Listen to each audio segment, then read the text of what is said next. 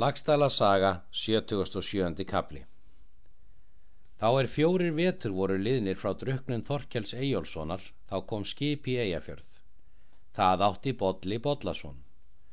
Voru þar á flestir norrænir hásettar. Bodli hafði mikið fjeg út og marga dýrgrippi er höfðingjar höfðu gefið honum. Bodli var svo mikill skartsmaður er hann kom út úr för þessi að hann vildi engin klæði bera nema skarlatsklæði og pelsklæði og öll vopn hafði hann gull búinn. Hann var kallaður Bolli hinn prúði.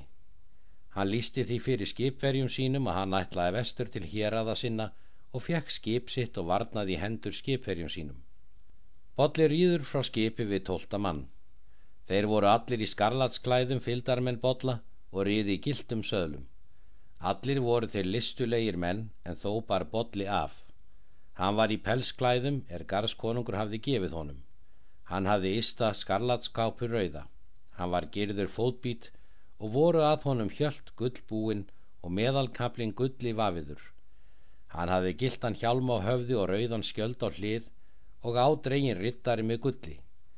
Hann hafði gladil í hendi sem týttir í útlöndum og hvar sem þeir tóku gistingar það gáðu konur engis annars en horfa á botla og skart hans og þeirra félaga. Með slíkri kurteysi rýður Bolli vestur í sveitir, allt þar til er hann kom til Helgafells með liði sínu. Var Guðrún all fegin Bolla sinni sínum. Dvaldis Bolli þar eigi lengi áður hann reyðin í sælingstalstungu og hittir snorra másinn og þórtísi konu sína. Var þar mikill fagna fundur. Snorri bauð Bolla til sín með svo marga menn sem hann vildi. Bolli þekkist það og er hann með snorrum veturinn og þeir menn sem norðan riðu með honum. Bolli var frægur af ferð þessi. Snorri lagði eigi minni stund nú á að veita Bolla með allir blíðu en fyrr er hann var með honum.